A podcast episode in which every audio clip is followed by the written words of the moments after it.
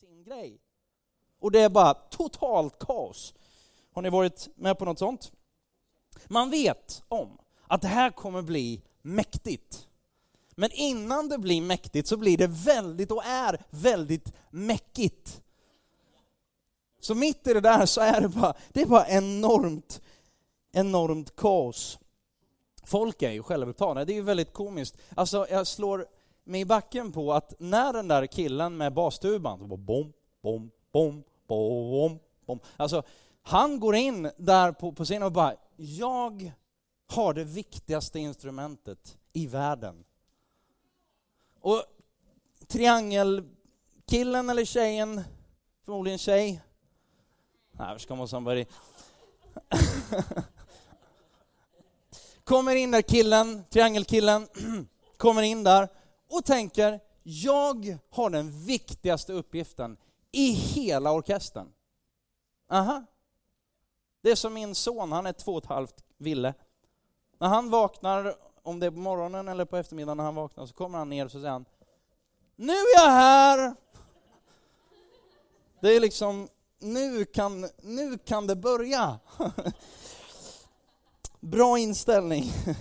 Och grejen är så här att vi har extremt, liksom, vad, vad, har vi? Vi har stråkinstrument, vi har slagverk, vi har eh, blåsinstrument och alla möjliga instrument, vad de heter. Bläckinstrument, eh, sektionen, liksom fantastiska människor. Eh,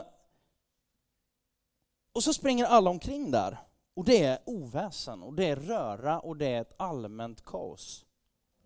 Och så händer någonting den stora dirigenten kommer in. Och då bara... Hela orkestern, knäpptyst. Alla sitter på sin plats. Alla håller i sitt instrument andäktigt och är redo. Och så kommer de här berömda, jag vet inte hur många knackningar, det är säkert någon som vet det, men den här med, med taktpinnen. Och så börjar det. Och så bara fram och ut ur dessa 150-200 instrument väller en symfoni som är helt fantastisk. Någonstans där, innan, strax innan konserten, befinner vi oss just nu. Det är kaos. Vi fattar inte bara, ja men vad håller han på med?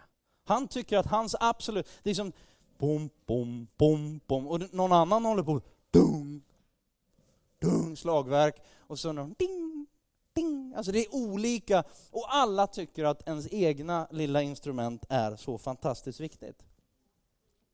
Ungefär så tror jag att det kommer att vara när Kristus, universums dirigent, kommer tillbaka och slår med taktpinnen så bara då kommer allting falla på plats. Då kommer saker och ting som vi inte förstod, inte kunde förstå.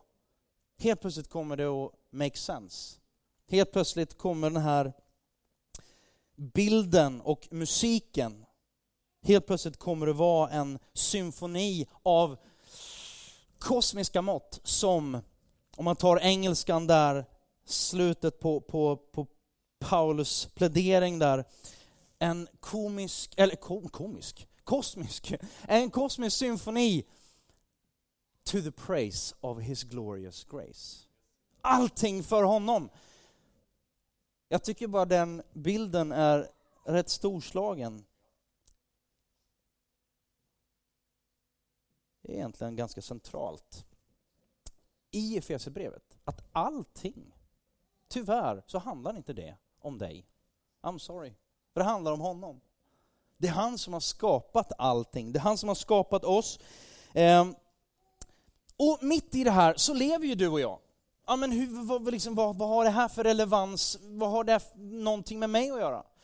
Om vi ska komma lite till det. För grejen är så här att vi lever ju mitt i det här kaoset. Vi, det, det folk eh, eh, liksom håller på och grejar och brottas med oss och vi, vi, vi vet inte var, var, ska, var är min plats och vad oväsen, vad, vad, vad, vad, vi lever mitt i det här kaoset och där någonstans så behöver vi lite hjälp för att se den lite större bilden, tror jag. Och det är den som Paulus försöker att ge oss. För det första så lever vi ju i den här situationen där inte bara en konsert pågår, utan vi har en Gud som är helig. Vad betyder det? Ja, att han är perfekt. Det finns ingen ondska, finns ingen, inget mörker i honom. Det finns bara ljus, han är bara god. Och där så vet inte jag riktigt hur du känner, men jag känner mig inte alltid bara god. Eh, ganska ofta känner jag mig inte god. Och det blir ju liksom en, en, en brottningskamp. Inte minst när jag läser Bibeln som säger, du är ju perfekt. Eh, till och med så säger Bibeln så här, du är Guds rättfärdighet i Kristus. Och så bara, vad, vad, vad, vad, jag fattar inte. Det, förra veckan så pratade vi om att vi är friköpta, faktiskt redan nu. Inte bara sen, utan nu. Och då har vi det här, nu, men ännu inte. Ehm, det är redan här, ännu inte dock i full skala. Inte totalt, men absolut en verklighet. Ehm, alltså evangeliet, evangeliet är ju ett, alltså de glada, de glada nyheterna. Det goda, det glada, de fantastiska nyheterna, det är ju vad det betyder. Ehm, så en dag kommer vår räddning. Alltså en dag en verklighet liksom, som redan är här nu på något märkligt sätt, men ännu inte. Så kommer universums stora dirigent. Det är vårt hopp, att allting kommer att läggas till rätta en dag. Ehm, och jag, vet inte, jag har försökt att lära mig noter. Jag, har försökt, jag tänkte jag skulle lära mig rock'n'roll och så gick jag till ABF, eh, någon sån här musikskola, och min lärare på just den ABF, det var så här, tryckte upp en, en, en blockflöjt i käften på mig. Jag menar, hur sexigt är det? Eller hur, liksom, wow, en blockflöjt, jag ska lära mig rock'n'roll. Förstörde ju hela mitt liv. jag ska inte skylla ifrån mig, men grejen är så att I was very never, inte så bra på det här med att läsa noter och sånt. Så att om jag hade ställt mig bakom det här, liksom vad det nu är för någonting, podiet, notstället, stora grejen som, som dirigenten kommer till, jag hade ju inte fattat någonting bara en massa noter och så ska man ha koll på alla, alla instrument och alla sektioner och, och allting på en gång. Och så veva och hålla på, jag vet inte riktigt. Men de lyckas ju och det framkommer ju en fantastisk liksom, musik. Och jag tror att det är en del så. Om du och jag bara tittar på det, nej men det är ju bara kaos. Det är ju bara liksom all over the place. Vi, vi kan inte, we don't make sense of it. Vi kan inte ens göra rätt, eh, liksom skapa rätt sida på våra egna liv. Men Gud kan det. Och han kommer att göra det. Eh, och då kommer jag till nästa grej då. Så då kommer ju den här hemligheten, eller hemlisen. Har ni haft hemlisar någon gång? Visst är det spännande med hemlisar? Hemlis. Efesierbrevet 1 och 9, det här är ju Paulus då. Han har låtit oss få veta sin viljas hemlighet. Han har berättat sin hemlis. En av sina hemlisar enligt det beslut som han hade fattat i Kristus, den plan som skulle genomföras när tiden var fullbordad. Bara där skulle jag faktiskt vilja säga så här att alltså, det är ganska stort. Gud vill dela sin hemlis med, med dig och mig. Det är stort. För det gör man ju bara med vänner. Det gör man ju bara eh, med någon man tycker om. Så tittar man på just det här med hemlisen. Vad är den här hemligheten? Gamla testamentet till exempel, då, så, så kan man väl se och kan man väl säga så här att om man säger att Gamla testamentet, hela Bibeln är någon slags en film, så är Gamla testamentet, det, där ger Gud lite sneak peeks.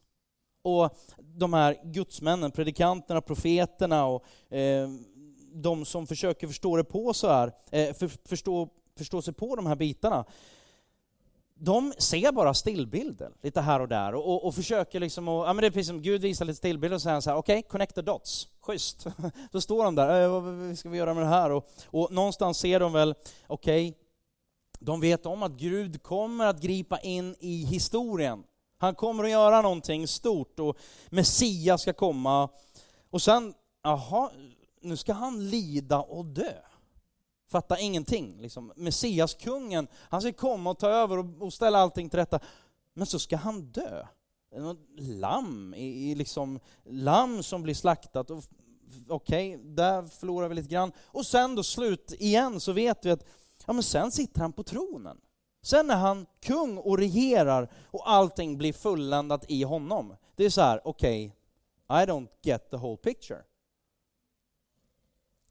Och de försöker, men, men eh, första Petrus brev så säger Petrus, en annan av, um, ja, en av lärjungarna som, som var med Jesus under, under tre och ett halvt år, um, som Jesus valde ut. Och han säger så här mot slutet av sitt liv, han är lite äldre, eh, så säger han så här, det var denna frälsning, alltså räddningen, det var den här hemligheten som profeterna sökte och forskade efter. De som profeterade om den nåd som ni skulle få. De undersökte, undersökte vem eh, eller vilken tid Kristi ande i dem visade på när han förutsade Kristi lidanden och den härlighet som skulle följa. Härlighet, något hopp, stort. Och det blev uppenbarat för dem att det inte var sig själva utan er de tjänade med sitt budskap. Detta har nu förkunnats genom dem, dem som i den helige Ande, sänd från himlen, predikar evangeliet för er, och detta önskar änglarna att få blicka in i. Det här, alltså hemligheten, det var någonting som inte ens, vad ska jag säga, gudsmännen och inte ens änglarna faktiskt kunde blicka in i eller se och förstå sig på. Um, har någon sett filmen The Usual Suspects, eller eh, vad heter de på svenska? De misstänkta. Gammal eh, sån classic.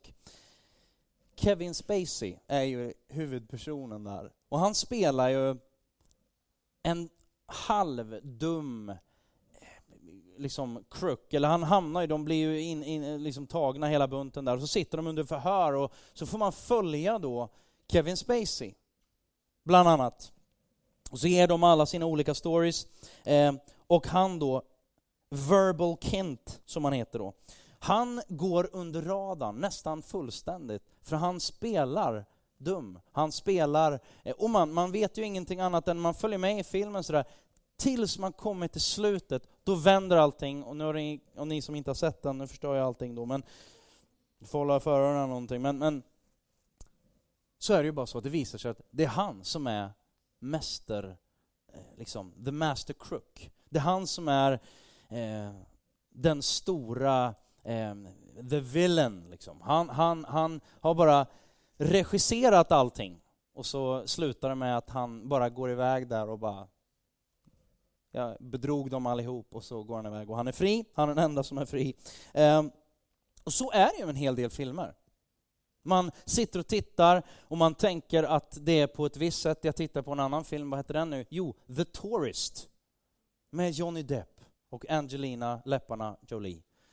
Eh, helt fantastiskt stora läppar har hon. Och, och eh, i alla fall så, så sitter man och tittar på, på, på den här filmen och, och man tänker ju Johnny Depp, den här turisten, eh, man, märker, man vet ju ingenting förrän i slutet.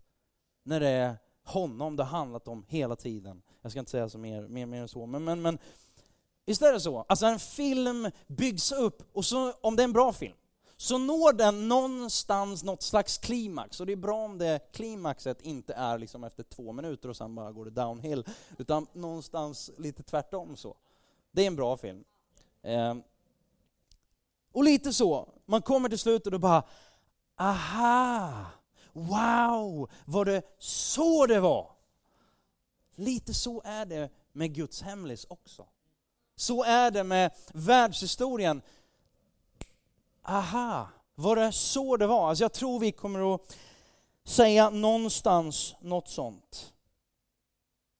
Och grejen är väl att när filmen når sitt klimax, där så börjar saker och ting make sense, men den är inte slut riktigt än utan den fortsätter ett tag till. Och man kan väl säga, i Guds film så lever vi, vi lever i klimaxet just nu. Alltså, vi lever i det här som hände för 2000 år sedan, Kristus. som dog på ett kors. Och gör det här så man bara, nej men vänta nu, vi fattar ju ingenting, vad är det som händer?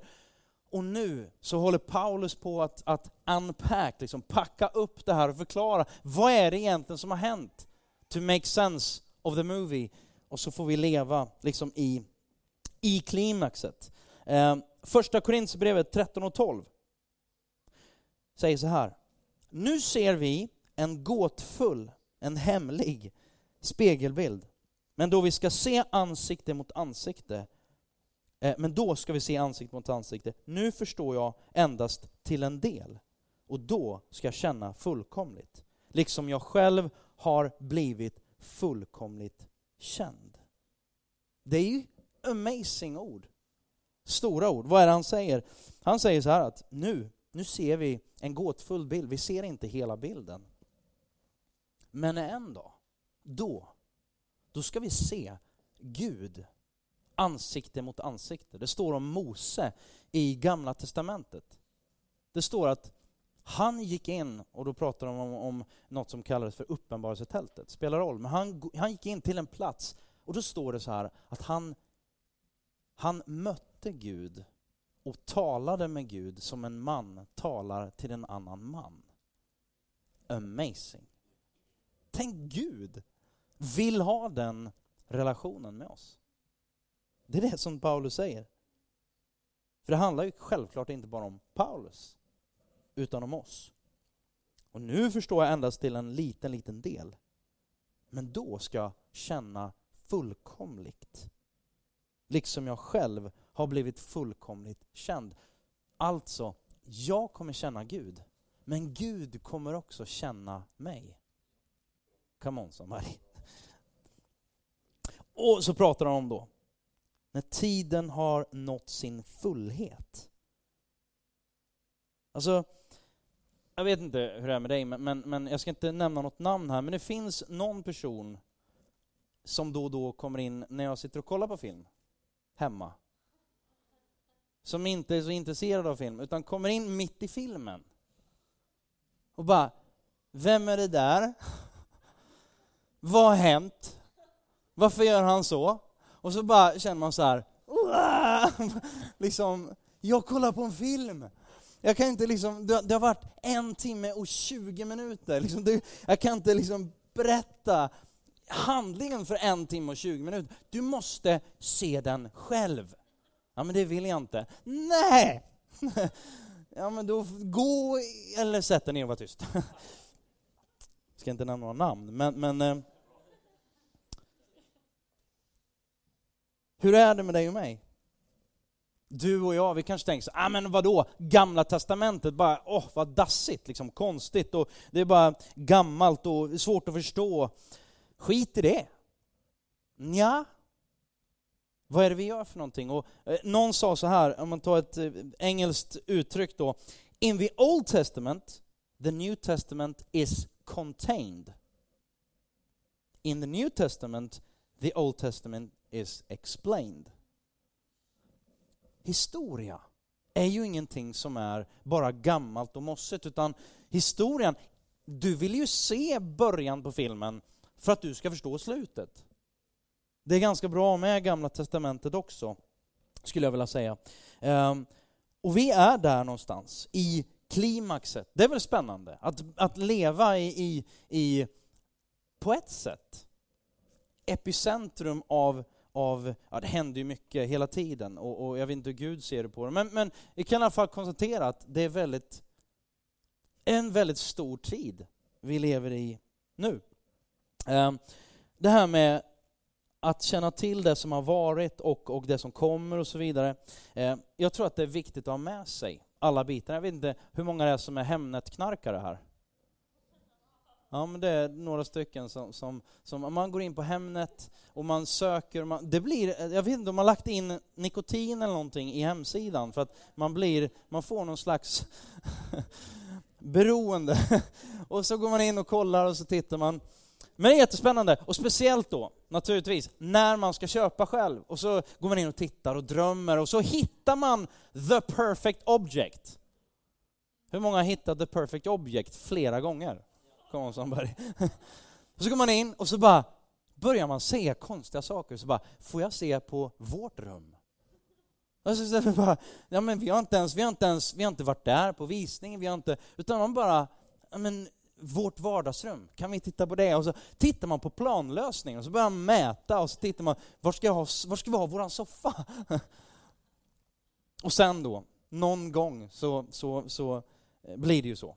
I vårt fall så fick vi till slut, ja men då köpte vi ju vårt, vårt eh, dreamhouse på det sättet. Och jag menar, då står man ju där, då tar man ju inte bara den här planlösningen eller ritningen och slänger den.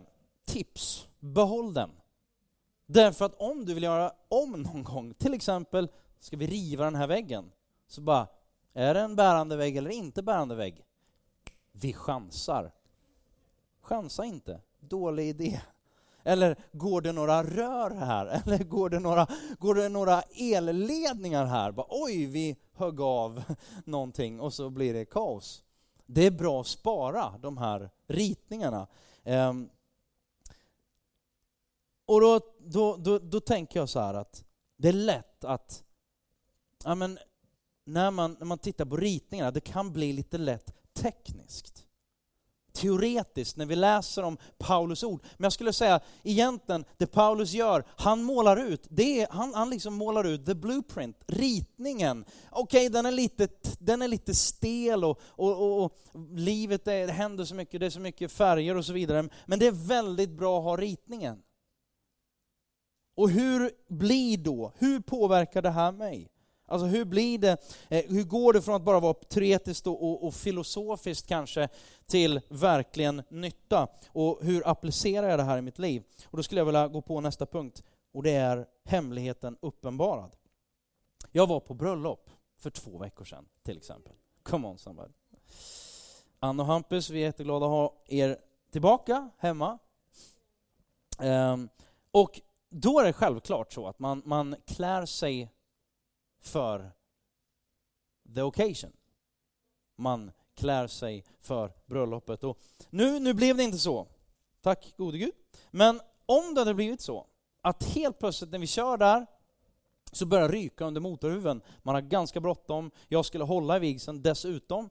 Eh, då börjar det bli lite så här halvtråkigt. Ponera, man är där, kostym och liksom hela kittet sådär, och så börjar det ryka ur motorhuven, och så tvingas man svänga in och landa på en mack och så ut där och så upp med motorhuven, man kanske tankar för att man ändå håller på där, men så upp med motorhuven, så står man där och bökar i kostym och, och allt möjligt där.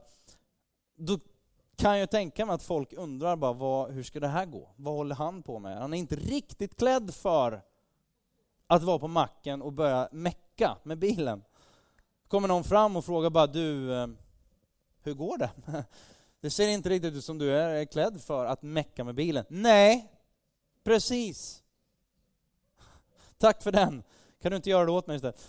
Nej, men grejen är att då vet man ju. Och då svarar man ju naturligtvis, nej, vet du vad? Jag är, jag är klädd för ett helt annat syfte.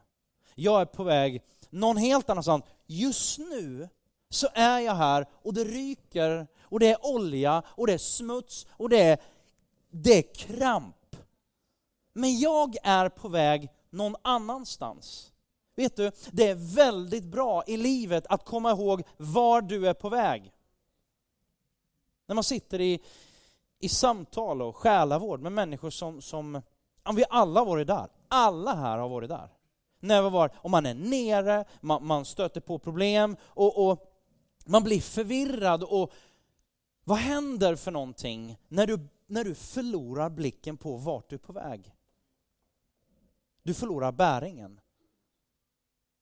Då blir du, du blir, du, du blir ledsen, du blir arg, du blir massa olika saker händer i dig och mig.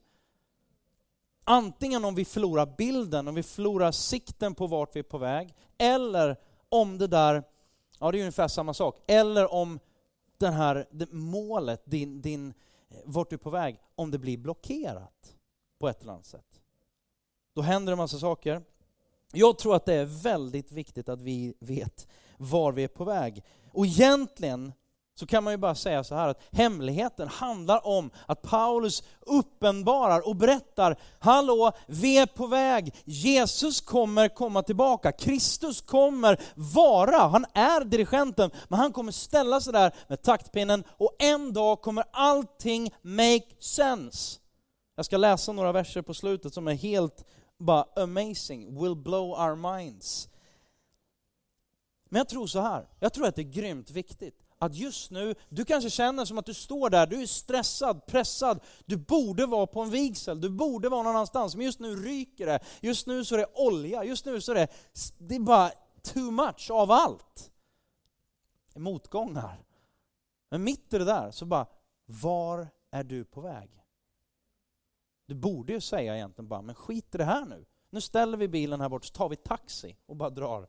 För jag vet var jag är på väg. Bara, nej, men jag, jag, jag är så upptagen av exakt vilken bil, vilket fordon, vilken, vilka grejer. Nej, men jag har ett högre syfte. Jag är på väg någonstans. Det är det som är hemligheten och det är den han uppenbarar. Därför att han vill att vi ska veta var vi är på väg. Hebreerbrevet 12 och 2. Låt oss ha blicken fäst vid Jesus, trons upphovsman och fullkomnare. Står det så här, som istället för den glädje om man tar eh, andra översättningar står det på grund av den glädjen som låg framför honom utstod korsets lidande utan att bry sig om skammen och som nu sitter på högra sidan om Guds tron. Jesus Kristus,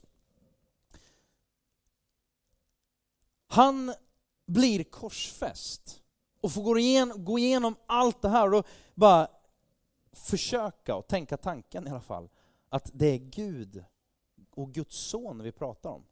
Så han blir korsfäst där, nere här på jorden, mitt i det här mäcket, mitt i allt det här.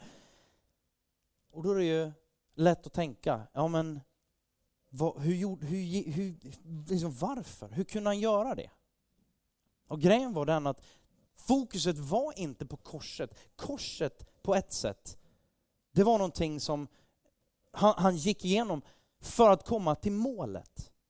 Det står ju, på grund av den glädje som låg framför honom utstår han korsets lidande. Varför utstår han det? Jo, han visste var han var på väg. Han visste var han var på väg. Ehm, Egentligen kan man säga så här. Hemligheten är uppenbarad och hemligheten är att vi har målet utstakat, målet i sikte. Jag läser i Efesierbrevet 1 och 10.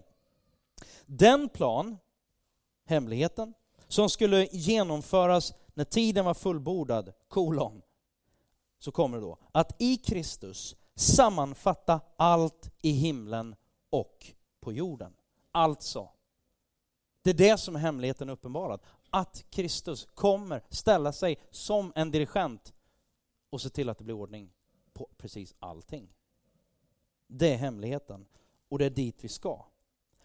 Nummer fyra, punkt fyra och sista punkten. Kyrkan, en del av hemligheten. Kyrkan, en del av hemligheten. Vi läser Galaterbrevet 3, 26-28. Alla är ni Guds barn genom tron på Kristus Jesus. Alla ni som har blivit döpta till Kristus har blivit iklädda Kristus. Här är vi inte längre jud eller grek, slav eller fri, man eller kvinna. Alla är ni ett i Kristus Jesus. Man kan väl säga så här att eh, kyrkan är Guds shopping, shopping window, eller Guds eh, ambassad. Mitt i den här crazy världen så är det tanken att kyrkan ska vara en frizon lite grann, en ambassad. Tanken är i alla fall att vi ska vara en liten glimt av Guds rike på jorden. Därför i United så är det så viktigt för oss att United och kyrka egentligen inte handlar om någonting annat än det vi ska handla om. Att huvudsaken hela tiden är huvudsaken. Och vad handlar det om? Jo, det handlar egentligen inte om någonting annat än att vi ska älska Gud, älska livet och älska människor. Egentligen ska det inte handla om någonting annat än att vi önskar att varenda person som kommer i kontakt med United, att man ska, man ska få växa i sin kvalitet, i relationen till Gud, i relationen till sig själv och i relationen till andra människor. Det är egentligen det är syftet och det är tanken med kyrka. C.S. Lewis, den kände brittiska författaren, han säger så här, eller sa, skrev If you find yourself longing that nothing in this world can satisfy, it can only mean you were made for another world. Så bra sagt. If you find yourself, uh, if you find within yourself longings that nothing in this world can satisfy, it can only mean you were made for another world. Romarbrevet 8, och jag kommer mot avslutningen. Romarbrevet 8, vers 18-25. Paulus igen. Jag hävdar att den här tidens lidanden väger lätt i jämförelse med den härlighet som kommer att uppenbaras och bli vår. Jag lägger till, när Kristus slår med taktpinnen och symfoniorkestern är redo. Ty skapelsen väntar ivrigt på att Guds barn ska uppenbaras. Kyrkan. Skapelsen har ju blivit lagd under förgängelsen, inte av egen vilja utan genom honom som lade den därunder. Ändå finns det hopp om att också skapelsen ska befrias från sitt slaveri under förgängelsen och nå fram till Guds barns härliga frihet. Vi vet att hela skapelsen ännu samfällt suckar och våndas. Inte bara den, utan också vi som har fått anden som förstlingfrukt. Också vi suckar inom oss och väntar på barnaskapet, vår kroppsförlossning. Ty hoppet är vi frälsta, men ett hopp som man ser uppfyllt är inte längre något hopp. Vem hoppas på något som han redan ser? Men om vi hoppas på det vi inte ser, då, eller så väntar vi uthålligt. Gud lovar oss, och det här, nu, nu kommer vi in på det här, det här är liksom, det här är lite space, spaceat. Helt extraordinärt och väldigt stort. Han lovar oss en ny värld. Ett nytt liv. Han pratar om på nytt födelse, liksom så här, okej, okay, hur, hur kan vi förklara det här? Ja, men vi kanske inte kan förstå precis allting. Men en upprättad och läkt skapelse. Hela skapelsen, inte bara jag, mig och mitt och individualister som vi är allihop, inte minst här i Sverige. Så är det här liksom, det här är större än du och jag. Det är hela skapelsen. Försök att liksom någonstans få in det. Jag läser andra Petrus brev, två verser kvar, eller två eh, stycken kvar, korta. Andra Petrus brev 3 och 13. Men nya himlar och en ny jord där rättfärdighet bor väntar vi på efter hans löfte. Så vi väntar på nya himlar och en ny jord där rättfärdighet bor. Sounds pretty good to me. Och så vill jag läsa till avslutning Uppenbarelsebokens enorma beskrivning och aposteln Johannes som, som, som ser det här och beskriver det här. Och så är han så här i Uppenbarelseboken 21, vers 1-5. Och jag såg en ny himmel och en ny jord. Ty den första himlen och den första jorden hade försvunnit. Se, nu står Guds tabernakel, alltså Guds boning, där Gud finns, bland människorna. Och han ska bo hos dem och de ska vara hans folk. Och Gud själv ska vara hos dem. Och han ska torka alla tårar från deras ögon. Döden ska inte finnas mer och ingen sorg och ingen gråt och ingen plåga. Ty det som förr var är borta. Han som satt på tronen sa, se, jag gör allting nytt. Andreas. Det här är vårt hopp. Någonstans mitt i vår grå vardag, där på macken under motorhuven, så är det väldigt skönt, och inte bara skönt utan nödvändigt. Och det är det som Gud vill göra för oss. Han vill att vi ska lyfta blicken lite grann. Var är vi på väg? Det handlar inte bara om, om den där rykande bilen. Det är där vi lever just nu. Men vi är på väg någon annanstans. Jag vet inte det där ordet hopp. Det är ju fantastiskt. Att ha ett hopp. Att vara på väg någonstans. Nu, men ännu inte. Klara av att hantera spänningen mellan ja, men allt ifrån vision, liksom, vad drömmer jag om? Vad drömmer du om i ditt liv? Att leva i spänningen mellan vart du är på väg och målet och verkligheten just nu. Det är viktigt. Och så är det här uttrycket i Kristus som är kanske inte så vanligt att vi pratar om, att vara i någonting. Vad innebär det att vara i Kristus? Ja, det är väl egentligen det vi har pratat om och kommer fortsätta prata om. Men kort och gott så handlar det väl egentligen om att vi kan tillgodogöra oss det som han har gjort och det som, vi, eh, som han vill ge till oss. Kort och gott så handlar det om att när han säger det kommer en ny himmel, en ny jord, något fantastiskt framöver och jag vill ha en personlig relation med dig. Och faktum är att jag har, redan, jag har till och med betalt priset, jag har gjort allting. Och det Gud vill ha från dig och mig, det är egentligen bara att Yes. Här är jag. Paulus, när han säger det, alltså en dag, så ska det inte längre vara den här, den här skuggbilden, eller den här ofullständiga bilden. Utan en dag så ska jag se ansikte mot ansikte. Det är väl amazing?